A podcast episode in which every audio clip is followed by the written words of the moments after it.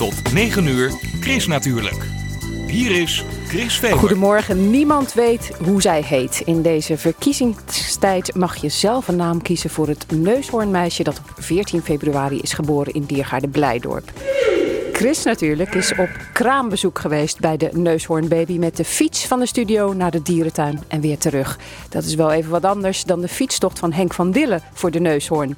Hij fietste helemaal van Rotterdam naar Singapore om aandacht te vragen voor de bedreigde Aziatische neushoorn. Van Dille is al lang en breed weer terug in Nederland, maar het avontuur zoekt hij nog steeds. Op de Rotterdam Adventure Night kun je nog wat van hem leren en van andere avontuurlijke reizigers.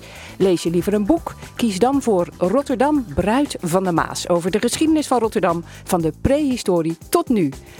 En eh, het is een boek dat je volgens de schrijver met gemak in bad kunt lezen. Over deze en andere onderwerpen hoor je meer vandaag in. Chris natuurlijk, met Chris Vemer.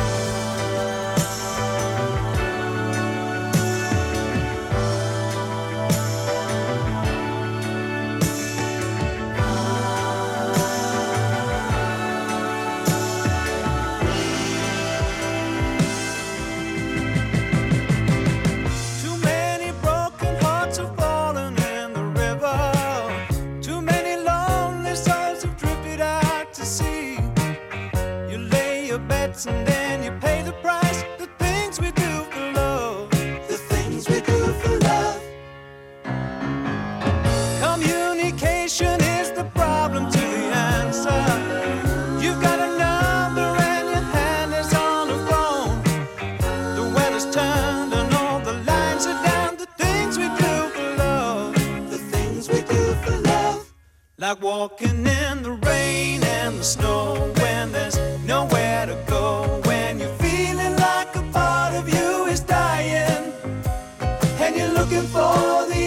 answer in her eyes.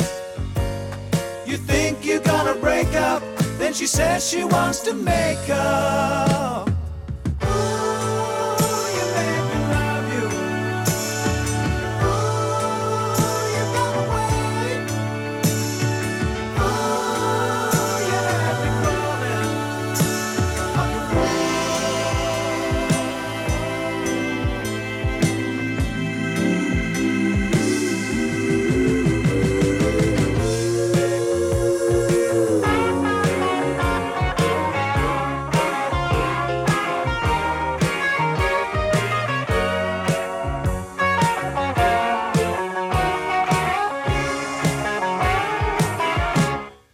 Like walking in the rain and the snow when there's nowhere to go. When you're feeling like a part of you is dying. And you're looking for the answer in her eyes. You think you're gonna break up. Then she says she wants to make up.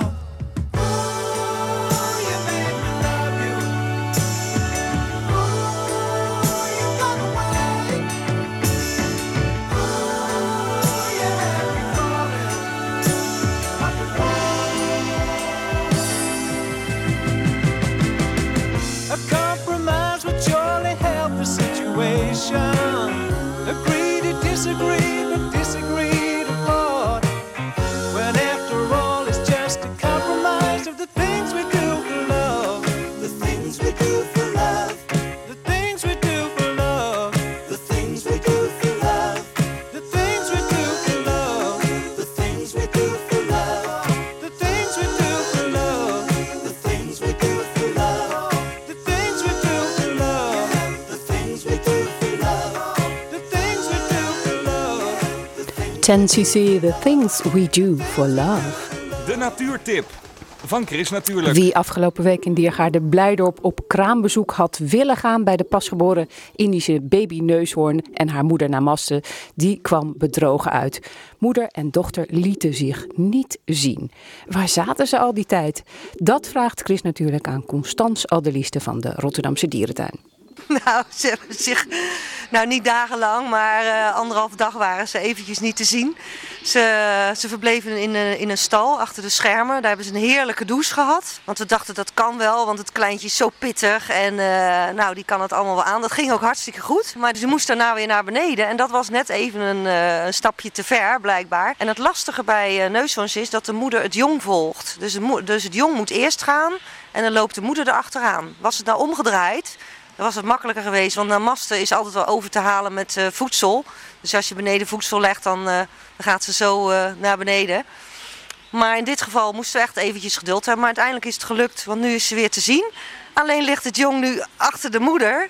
En kan je het jong op dit moment eventjes niet zien. Dan heb je thuis misschien wel kans, want je kan ook op de webcam kijken. Uiteraard, je kan ook op de, op de webcam kijken. Dat kan ook gewoon als je hier ervoor staat. Stel dat hij nu achter de moeder ligt zoals nu. En je hebt een mobiel en je hebt de app gedownload van, uh, van Blijdorp. Dan kan je even kijken en dat ga ik nu even doen. Oh ja, ja nou, is er echt. Ze is er echt, hè? Ja. ja. En dan zie je er achter de moeder liggen. Nou, Massa lijkt een beetje uitgeput. Ja, dat was ze na de bevalling ook. Het jong niet, maar zij wel. En dat konden we allemaal op de webcambeelden zien. Want we hebben natuurlijk uh, zitten kijken. Je weet het nooit precies wanneer, uh, wanneer zo'n uh, vrouwtje gaat bevallen. Want de draagtijd duurt natuurlijk heel lang, 16 maanden. En je kan het wel ongeveer uitrekenen, maar je hebt toch een marge van enkele weken. Dus je kijkt toch telkens naar het gedrag. En het was iedere keer weer heel spannend. Zou dan wel of niet gebeuren? En het leuke is dat je natuurlijk op social media dat je ook alle reacties van mensen kunt, kunt volgen. En heel veel mensen zaten echt gekluisterd aan de buis. Op het moment zelf draaide ze haar, uh, haar achterste naar, naar het hoekje toe. En uh, nou ja, kort daarna zagen we het kleintje rondlopen. Dachten, yeah! En de volgende ochtend zagen we het pas in levende lijven. Ja, en dat was natuurlijk fantastisch. Wat vind jij ervan, van, de, van deze neushoorn? Leuk. En weet je dat er nog een kleintje achter ligt? Ik heb wel gehoord dat ja. er wel eentje achter zit. Dat is jammer hè, dat we hem niet kunnen zien, het kleintje. Ja, ja het is heel jammer. Hey, mensen mogen namen verzinnen hè, voor het kleine baby-neushoorntje. En het is een meisje. Wat zouden jullie zeggen? Kira. Kira. Emma. Mila. Uh, Rosa. Zou dat, zou dat uh, een mooie naam zijn? Mila bijvoorbeeld? Natuurlijk is het een hele mooie naam, maar we hebben het liefst een naam die, uh, die ook uh, een beetje te maken heeft met het gebied waar ze voorkomen. En ze komen dus voor in Noord-India, Nepal. Dus het zou mooi zijn als een naam daar ook bij past. Want de moeder heet Namaste en de vader heet uh, Gujarat. Nou, mensen kunnen allemaal nog een naam insturen. Want we hebben het de hele tijd maar over het babyneushoorntje. Ja, zo kan ze natuurlijk niet blijven heten. Nee, het moet uiteindelijk wel een naam krijgen. Dat is ook makkelijker voor de verzorgers. Hè. Het heeft ook veel praktische voordelen als ze het een, een, naam kunnen geven. Het zal overigens nog heel moeilijk worden om een goede naam te kiezen. Want ik heb begrepen dat er al meer dan 7000 inzendingen zijn. Dus het wordt nog een hele kluif. En je kan nog steeds inzenden tot en met verkiezingsdag woensdag. Ja, inderdaad. Het is tot en met woensdag dat je nog kan, uh, kan inzenden.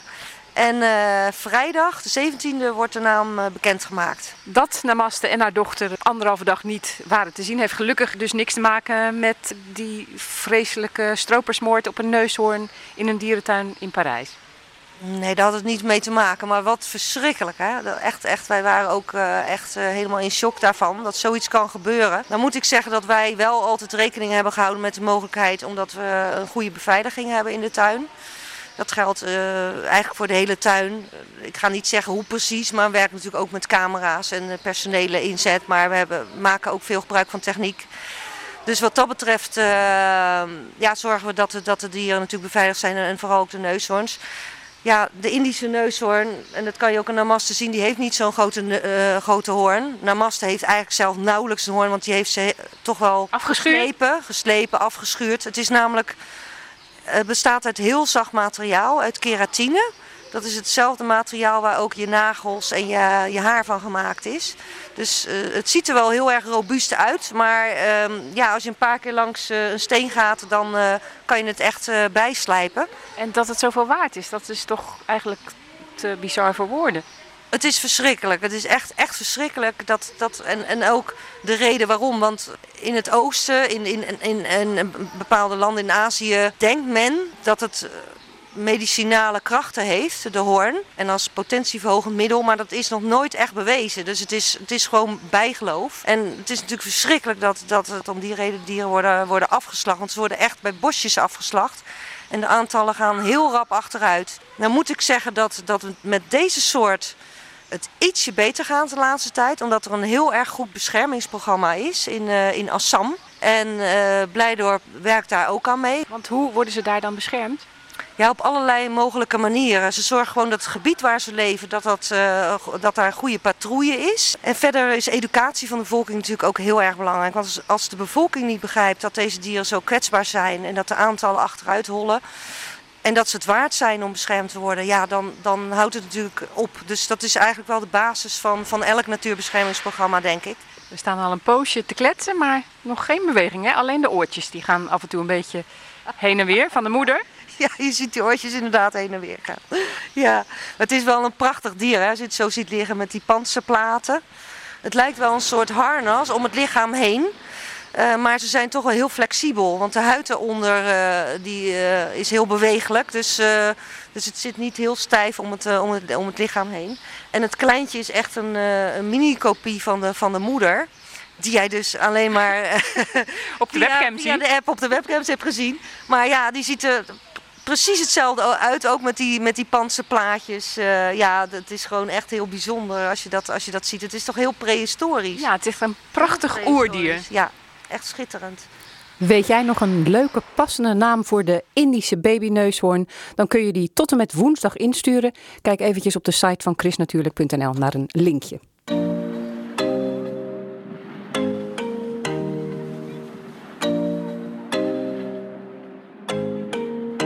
My love is strong as a lion, soft as the cotton you lying. Times we got hot like an iron, you and I. Our hearts had never been broken. We were so innocent, darling. We used to talk till the morning, you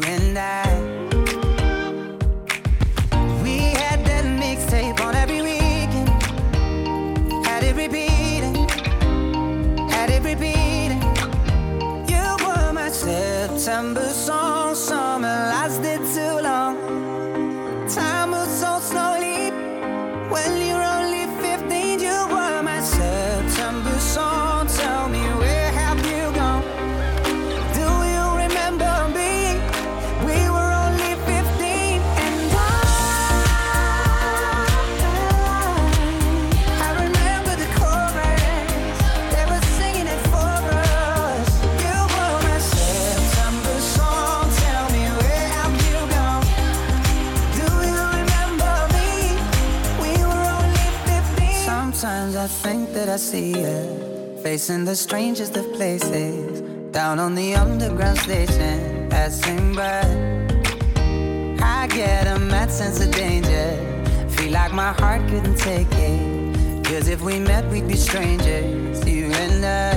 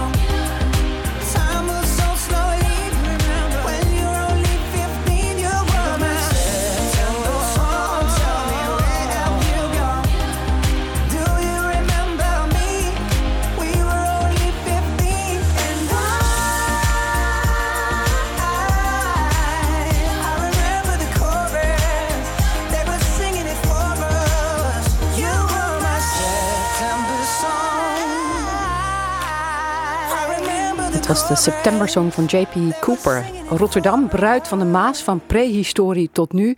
Zo heet het boek dat Han van der Horst schreef over de geschiedenis van Rotterdam in 300 bladzijden. Op een terras op de zevende verdieping van de Rotterdam, met een mooi uitzicht over de Maas, spreekt Chris natuurlijk met de Schiedamse historicus over het boek.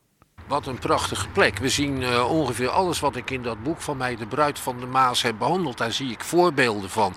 Eh, het Rotterdam van, eh, van Tra en Kees van der Leeuw van na de oorlog met de boompjes als brede boulevard. Ik zie in de verte het enige stukje middeleeuws Rotterdam wat er nog is, de toren van de Laurenskerk. Ik zie daar het prachtige 19e eeuwse gebouw van de Koninklijke Jachtclub waar nu het Wereldmuseum is. Het boek begint eigenlijk bij de prehistorie. Ja. Toen bestond Rotterdam nog niet eens. Toen bestond Rotterdam eh, nog niet eens, maar er woonden hier wel mensen. Er zijn eh, bij het aanleggen van de Tweede Maasvlakte wat botjes tevoorschijn gekomen van een Neandertaler. En er hebben hier ook boeren gewoond. En uit de geschiedenisles eh, weet de, de luisteraars misschien nog wel dat hier vroeger een Germaanse stam zat, de Caninefaten. Nou, als je een beetje tot de elite behoorde, dan kon je bij het Romeinse Rijk carrière maken. Moest je Latijn leren, kreeg je, leerde je toga dragen, werd je officier in het leger. En er zijn een paar van die mensen die leken prima geïntegreerd in het Romeinse Rijk. Ze konden bij wijze van spreken lijfwacht worden van de keizer in Rome.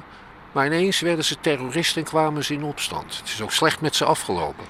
Dat is ook het leuke van jouw boek. Jij trekt een parallel met deze tijd. Ja, elke tijd stelt zijn eigen vragen aan de geschiedenis. En wij leven op het moment in een tijd waarin we heel erg eh, nadenken over onze eigen identiteit en over culturele verschillen en over godsdienst versus niet-godsdienst enzovoorts.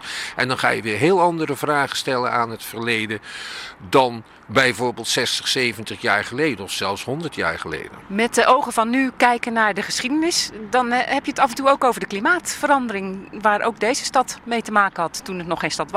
Toen is een, eh, woonden hier allerlei eh, boeren die landbouw bedreven en eh, dat kon ineens niet meer omdat het klimaat snel verslechterde. Dat was zo, schat ik zo, tussen 2 en, en 300. Eh, waterspiegels stijgen, vreselijk slecht weer. En toen werd een landbouwgebied, een laagliggend landbouwgebied, een moeras waarin eigenlijk maar heel moeilijk te leven viel. En het is ook nog wel later voorgekomen in de 15e, 16e, 17e, 18e eeuw dat Europa iets meemaakte dat heette de kleine ijstijd. En dan was het helemaal niet vreemd als de Maas bevroren was en eh, als je daar overheen kon lopen. Dat is in 1890 voor het laatst gebeurd. Bruid van de Maas, waarom heet dit boek zo? Omdat eh, de Rotterdam en de Maas eh, een samenlevingscontract hebben en van elkaar afhankelijk zijn. Dus je moet een, samen met de Maas leven. En daarom is Rotterdam de bruid van de Maas en is de Maas de bruid van Rotterdam. Was het echt tijd voor weer een nieuw boek over Rotterdam?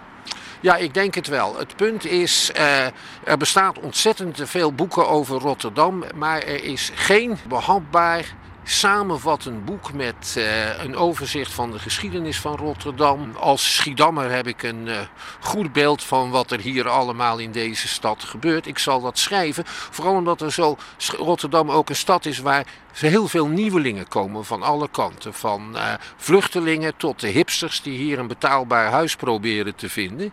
En als je in een stad wilt wonen, maar ook een beetje geestelijk in een stad wil wonen, denk ik dan, is het leuk als je wat van de geschiedenis weet, als je begrijpt hoe het allemaal zo gekomen is.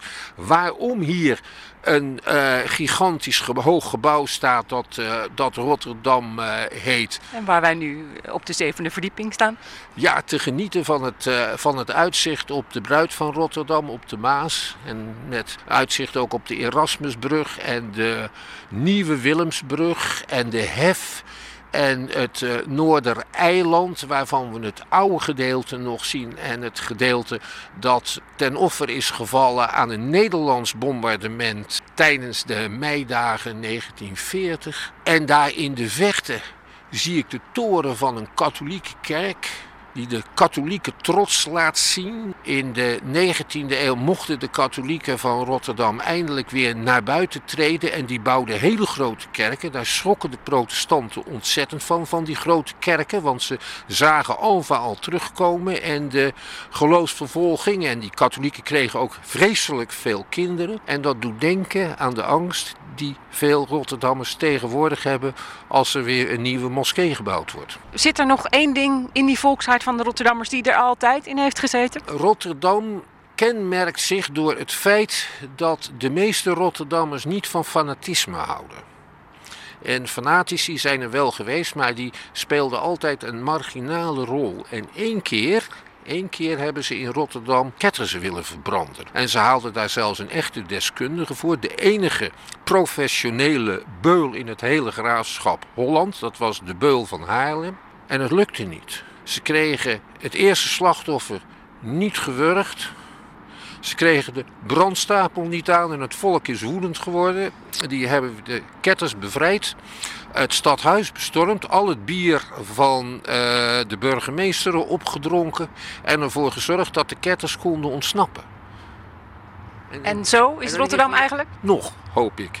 Ja, dus nooit echt fanatiek, nooit echt... Ja, nou, rood waren ze toch wel behoorlijk. Eh, nou, maar niet fanatiek. Eh, als je gaat kijken naar de, de mensen, de, de rodende socialisten die, eh, die Rotterdam groot hebben gemaakt. En dan denk ik aan Jan Broutigam en Arie de Zeel. Dat waren ook vakbondsleiders, behalve eh, SDAP'ers. Dat waren toch eerder mannen van het overleg dan van de strijd. Omdat ze begrepen dat je uiteindelijk met goed overleg en goede afspraken veel verder kwam dan, eh, dan met stakingen. Dat blijkt ook uit de geschiedenis van de Rotterdamse stakingen. Die zijn er natuurlijk best wel geweest. En dat is in het algemeen niks geworden. Waarom heb je nou dit boek gesitueerd rondom de Maas?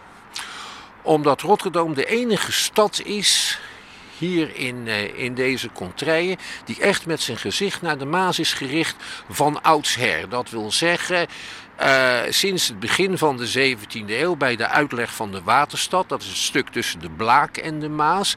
En toen heeft de stad een bebouwd waterfront gekregen met eh, prachtige eh, gebouwen zoals het Oost-Indisch Huis en Herenhuizen langs de boompjes. Als je naar de andere steden gaat kijken, naar Schiedam, mijn eigen vaderstad, die oude stad ligt een stukje landinwaarts. En dat geldt ook voor de vissersplaatsen Vlaardingen en Maasluis. Rotterdam ligt dus aan het water en gebruikt dat water ook. Aan de andere kant is het pas weer iets van de laatste tijd dat we de Maas weer een beetje betrekken in het stadsbeeld. Eh, ja, en dat, eh, dat komt eigenlijk door de, door de automatisering van de haven. Tot dik in de jaren 50 eh, was, waren de havens hier zeer actief en was er een nauwe band tussen de stad en de Maas. Dat is verdwenen. En daarom kunnen we nu dus zo geweldig van het water genieten. Ja, eh, eh, ja, precies. Daarom kunnen we van het water genieten. Ik wil er iets bij vertellen. Je moet natuurlijk de Wereldhavendagen niet onderschatten. Daar komen toch honderdduizenden mensen op af. Dus ergens woont in ieder geval de rivier in het hart van alle Rotterdammers. Zullen we eventjes gewoon eh, naar beneden gaan, wat dichter bij de Maas? Ja, we gaan daar staan waar we de golven kunnen horen klotsen. Na half negen dan keren we nog een keertje terug naar de Maas en praten we verder over het boek van Han van der Horst over de geschiedenis van Rotterdam van prehistorie tot nu. Chris Natuurlijk. De weekendbijlage. En het is tijd voor nu, want wat staat er in de weekendkranten over groen, natuur en milieu? Dat hoor je in het overzicht. Ik lees het samen met Martin van der Boogaard. Martin, goedemorgen. Goedemorgen. Ja, bijgeloof nekt de neushoorn, schrijft Jelle Reumer in zijn wekelijkse column over dieren in Trouw. Nu de parkwachters in Afrika steeds beter worden bewapend, verleggen stropers hun terrein. Zie de moord op de neushoorn afgelopen week in de Franse dierentuin. En dat allemaal voor een paar kilo keratine waaruit de hoorn bestaat. Nagelveilsel tegen kanker en impotentie, althans, dat wordt beweerd. Een tegendraads interview in het AD met de Belgische ecoloog en milieuactivist Stijn Breurs. Hij vindt dat je geen biologische producten moet kopen, want het is niet bewezen dat ze gezonder of beter zijn voor het milieu. Wel voor het welzijn van dieren. Wie het milieu belangrijk vindt, kan beter vegetariër worden, want veeteelt leidt tot ontbos- ontbossing, broeikasgassen en waterverspilling.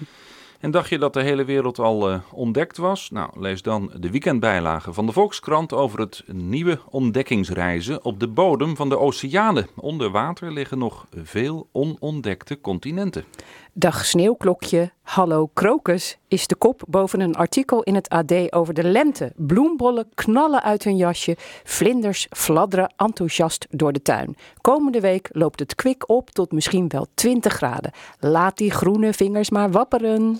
Maar ja, maart roert zijn staart. Dus mocht het onverwachts eh, toch wat eh, frisser zijn, dan kun je altijd nog gaan eh, indoor tuinieren. De Telegraaf signaleert deze nieuwe trend, waarbij professionele telers hun kas verhuren aan hobbytuinders. Martin van der Boogaard was dat met het groene nieuws uit de weekendkranten. Dank je wel. Ja, lente of toch niet. Als we echt willen weten wat voor weer het wordt, dan moeten we naar onze weerman Jules Gernaar. Jules, goedemorgen. Dag Chris, hele goede morgen. Wat voor weer breng je mee vandaag in jouw eerste bericht voor Chris natuurlijk? Nou, eh, vrij goed bericht. eh, tot eh, mijn geluk uiteraard. Een beetje lente, maar temperatuur van 20 graden, dat krijgen we nog niet, denk ik, komende week.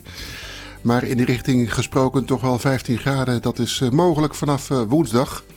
Zal niet eeuwig duren, maar toch een paar mooie dagen zitten eraan te komen. Er is natuurlijk ook al een eh, prima dag met eh, vrij veel zon. Ook wat wolkenvelden natuurlijk. Temperatuur 11 tot eh, 12 graden dus met het zonnetje erbij. Wat soms best fel is in deze tijd, dan willen die krokussen natuurlijk wel. En vandaag krijgen we ietsjes erbij, niet zoveel. Het wordt een graad of 12, 13 door een eh, zwakke tot matige zuidoostenwind. Storing komt er wel aan boven Ierland, die trekt naar, eh, dat trekt naar eh, Engeland. Maar het stopt dan een beetje, dus veel last zullen we er niet van hebben. Wel wat wolkenvelden nu, vrij veel zelfs ook. Goeree Overlijke begint wat zonniger te worden. Dat trekt langzaam naar het noorden, dus het wordt allemaal iets beter in de loop van de ochtend. Maar van het westen uit krabbelen er af en toe wat wolkenvelden naar ons toe. Dat betekent vanmiddag ook soms vrij veel bewolking, maar vrij vriendelijke bewolking. Af en toe nog een zonnetje, al zal het vaak wel een flats zonnetje zijn. Maar in de loop van de ochtend dus duidelijk wat beter. En ook vanmiddag eh, prima weer, denk ik. Met windkracht 2 tot 3 en die 12 tot 13 graden als maximumtemperatuur. Goed genoeg voor de bloembollen om lekker op te komen. En het is droog, denk ik. Een spatje regen voor de avond, dat zit er eh, denk ik toch niet in. En ook morgen is een goede dag met een beetje het omgekeerde plaatje. Als je op de details let uiteraard. Temperatuur komende nacht rond een graad of 3, 4. Het heeft nog wel aan de grond gevroren afgelopen nacht. Min 2 op Rotterdam, dus was het nog eh, vrij koud. Nu is het een graad of 6. En morgen in de ochtend redelijk wat wolkenvelden. En de meeste opklaringen in de middagperiode. Dus een eh, vriendelijk weekend zou ik het wel beschrijven. Ja, nou, ik wens jou dan een heel vriendelijk weekend, eh, Jules. Dank je wel. Eh, Dankjewel.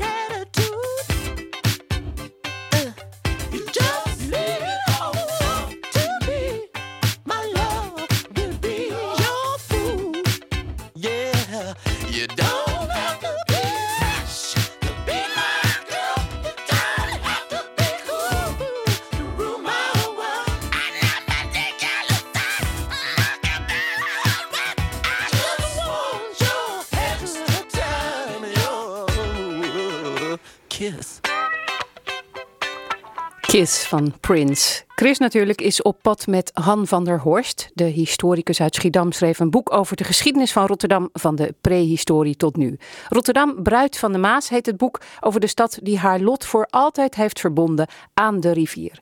Op de Wilhelmina-kade in Rotterdam-Zuid zijn we zo dicht bij de Nieuwe Maas dat we haar kunnen ruiken. Ja, we zien de golfjes en de zon ligt een heel klein beetje op die golfjes. En uh, daardoor krijgt de Maas een, een indrukwekkend, uh, maar ook vriendelijk gezicht. Het is de bruid van Rotterdam. Maar het is wel een bruid die gerespecteerd moet worden. Het volkslied van Rotterdam, het officiële volkslied, heet Koningin van de Maas. En dat geeft de verhoudingen niet weer. Met een rivier moet je een, uh, een, samenlevingscontract sluiten, want anders zal de rivier wraak op je nemen. Dat is het ook het, altijd het geval. Dat kun je ook zien aan de nieuwe politiek van Rijkswaterstaat, die allerlei ruimtes laat en polders opheft om ervoor te zorgen dat het wassende water een, een uitwijkplaats vindt. Dat geldt voor, uh, voor Rotterdam ook. Het is niet altijd een makkelijk huwelijk geweest, denk ik, maar wel een goed en stabiel huwelijk. En je zal als je Rotterdammer bent, dat zeg ik ook aan het eind van het boek, je moeten verhouden tot de Maas op de een of andere manier. Deze plek, de Wilhelmina-kade, dat is echt een plek die op allerlei manieren met de geschiedenis verbonden is. Ja. Uh, we zien hier het Rotterdam van Bram Peper, het Rotterdam van de jaren 90, van de hele hoge gebouwen. De stad van Riek Bakker, die in de plaats is gekomen van de stad van uh, Gerrit-Jan de Jong. Dat is de man die de eerste grote Rotterdamse havens heeft aangelegd. De Rijnhaven, de Maashaven, de Waalhaven. En, en, en daardoor kregen we ook het Kralingse Bos bijvoorbeeld. Daardoor kreeg ik inderdaad, want de, de modder ging naar, uh, ging naar de Kralingse Plas en daar is later het Kralingse Bos op aangelegd. En dit was hier was allemaal, waren havengebieden en uh, er waren hier allemaal bedrijven.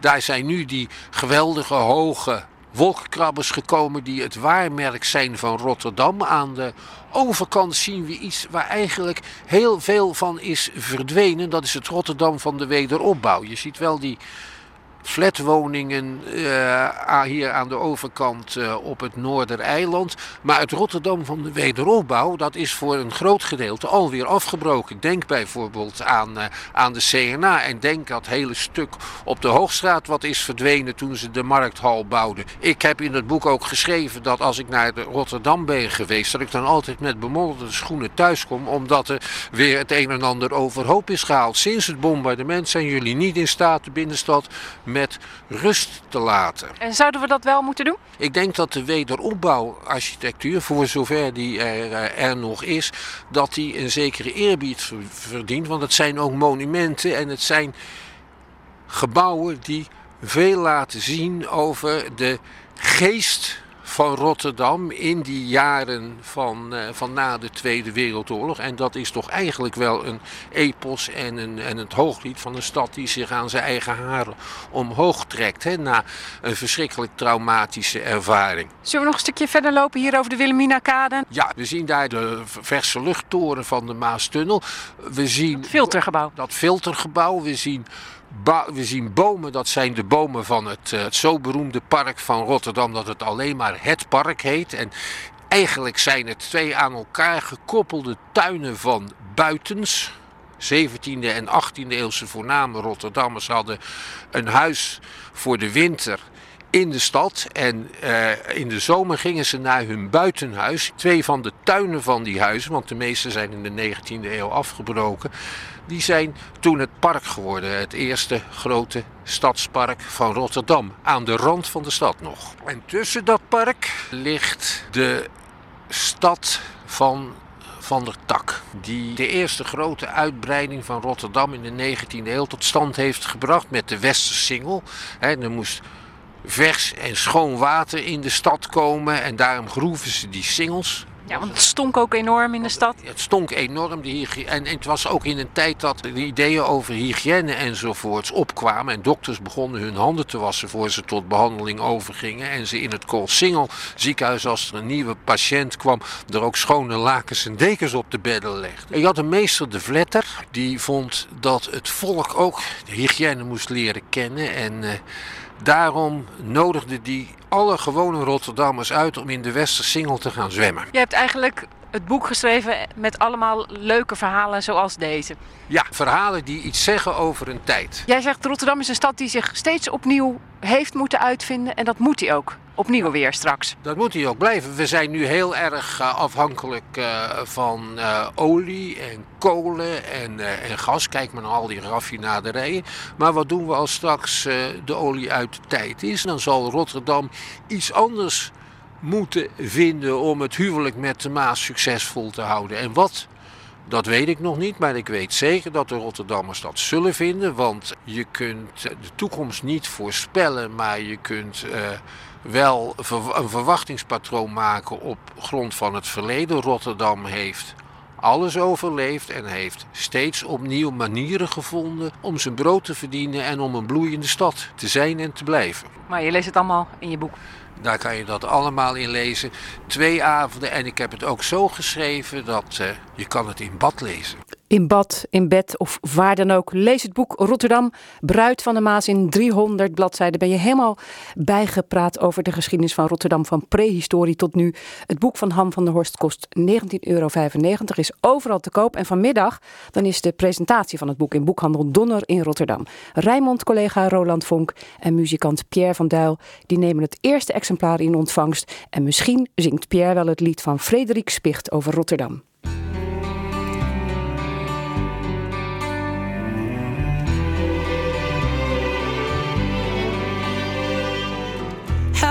Hoog, een grijze mast. Het wakend oog op ons gericht. Zo'n schoon beeld van deze stad. Alsof zij van binnenuit wordt verlicht. Een zwaan die rust, het wiegen nimmer staakt. Daar de god der zee bij haar zijn roes uitslaapt. Rotterdam! Gestolen schat. Rotterdam, stad zonder hart. Rotterdam, gestolen stad. De bliksem splijt de grauwe lucht met weergaloze kracht. Donder, traag gebulder dreunt dreigend door de nacht. Zij die nog leven, opnieuw bevreesd. Zij die weten hoe de oorlog is geweest. Rotterdam, gestolen schat. Rotterdam, stad zonder hart. Rotterdam, gestolen stad.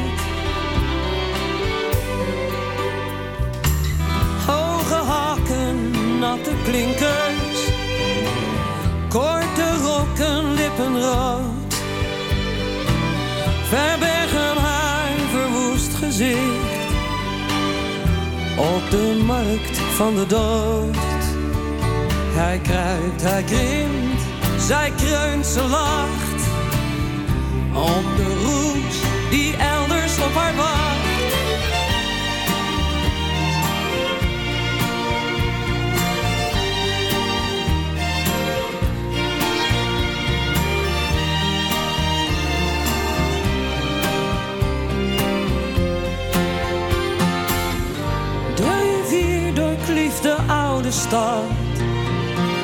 Met haar stromend roestend goud.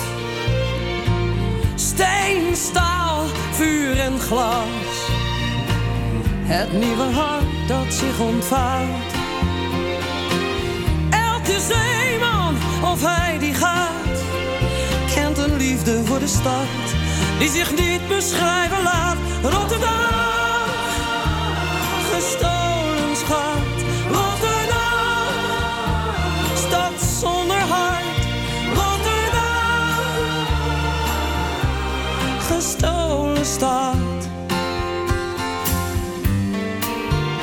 Rotterdam.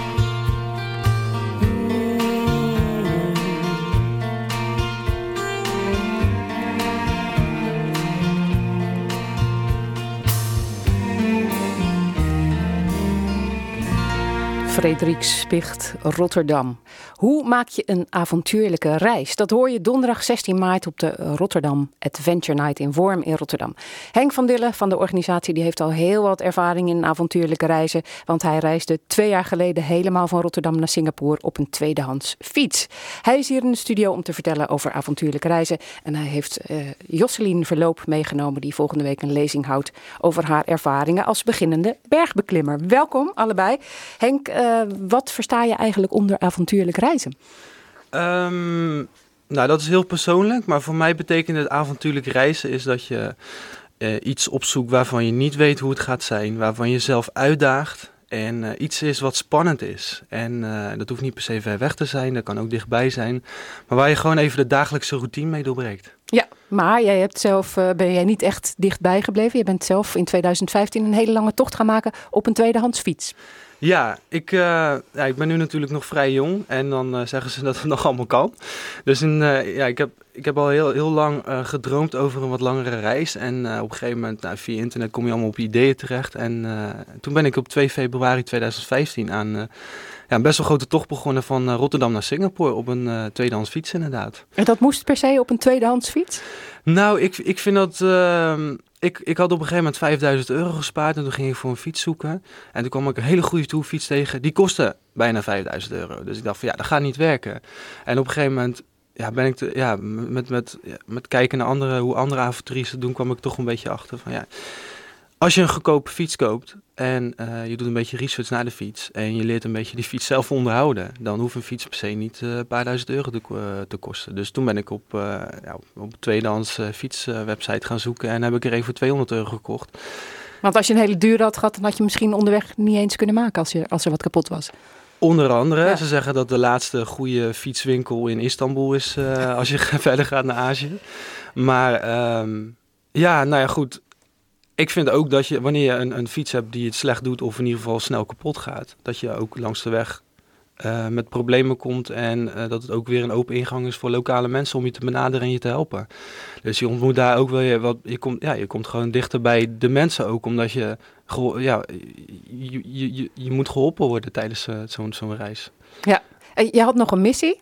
Wat was dat ook alweer? Um, mijn Geld missie. inzamelen. Oh ja, dat klopt. Ja. Was je alweer vergeten? Ja, het is ook, is ook best wel lang geleden. het is ook alweer lang geleden. Ja, dat klopt. Ik, uh, ik, heb, ik heb deze reis in, uh, in het teken gezet van bedreigde diersoorten. Um, uh, vooral de neushoorn. En daar ben ik geld op gaan zamelen voor het Wereld Natuurfonds.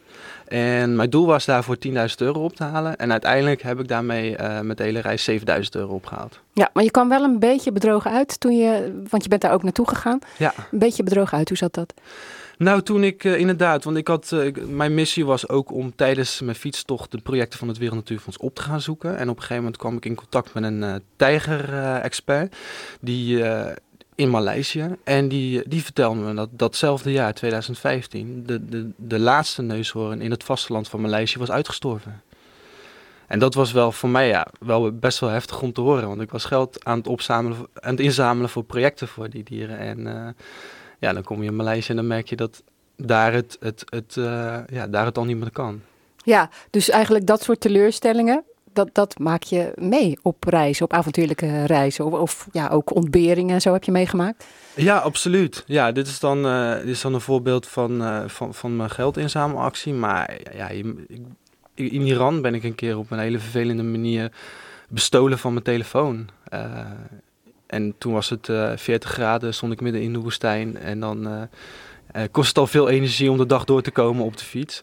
En als dan ook nog ja, iemand zo, zo op een vervelende manier misbruik van je maakt, dan kom je wel ja, een soort van bedroog uit. En dat, is, dat zijn echt wel lastige momenten in, in een reis. En voor mij was dat wel een moment dat ik dacht van...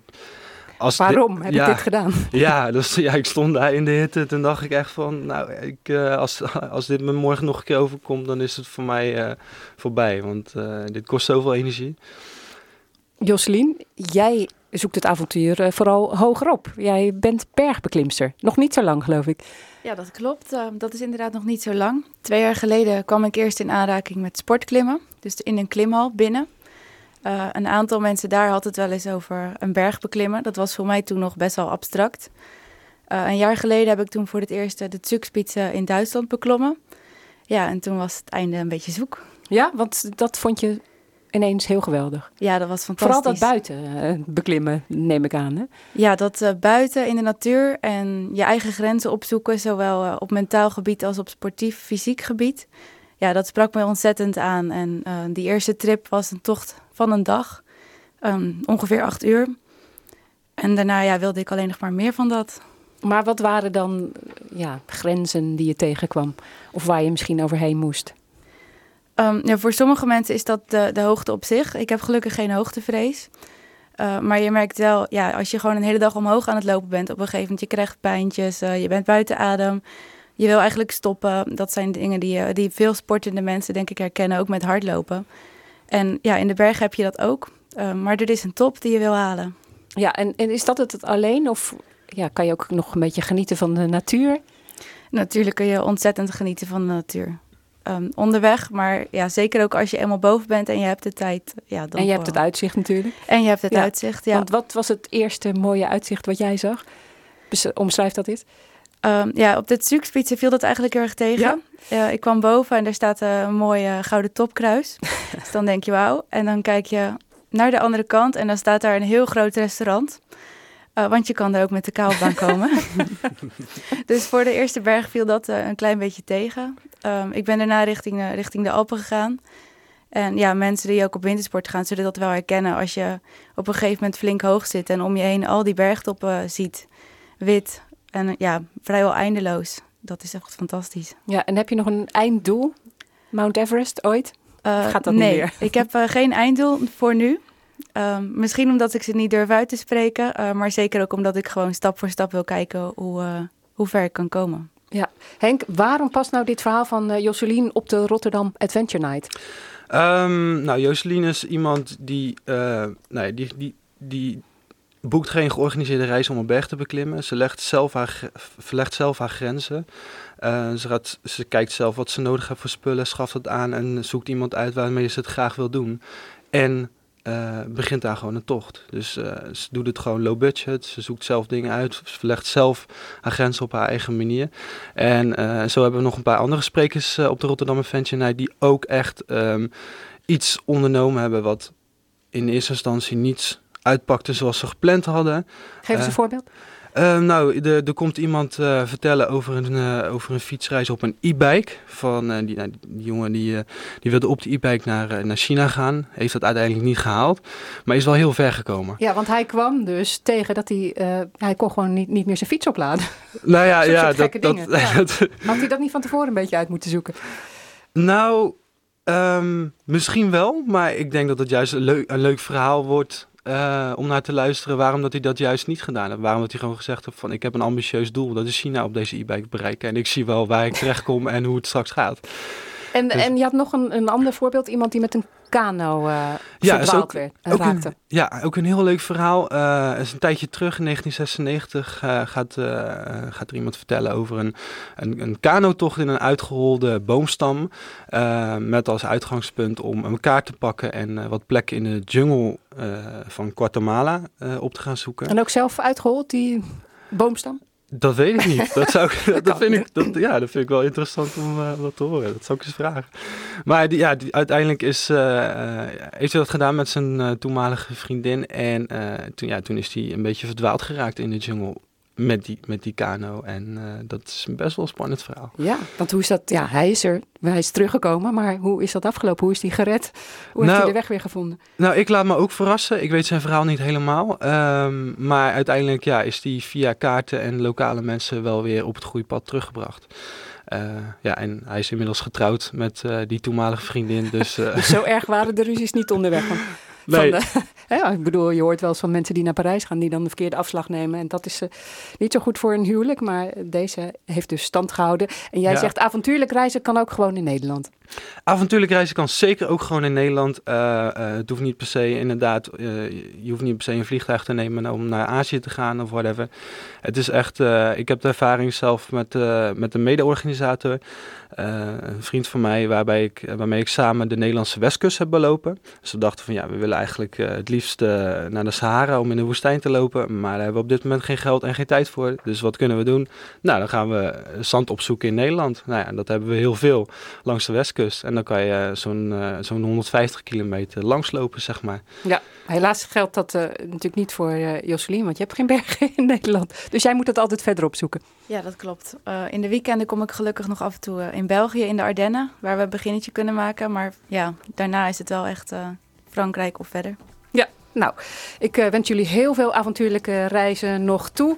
En eh, wil je eh, wat meer weten over avontuurlijk reizen, hoe dat moet? Ga dan volgende week naar Worm aan de Boomgaardstraat in Rotterdam. Dan heb je daar op donderdag om 8 uur de Rotterdam Adventure Night. Hartstikke fijn dat jullie hier waren en tot een volgende keer. Dit was Chris natuurlijk, een programma van Chris Vemer, Stefano Samsi, Danielle Koren, Martin van der Boogaard en Roeland Kuppers. Die werkte mee vandaag. Volgende week in Chris natuurlijk. De Veldleeuwerik, voorbode van de lente. Heel fijn weekend en veel plezier met muziek voor volwassenen en Johan Derksen. Chris Natuurlijk. Kijk ook op chrisnatuurlijk.nl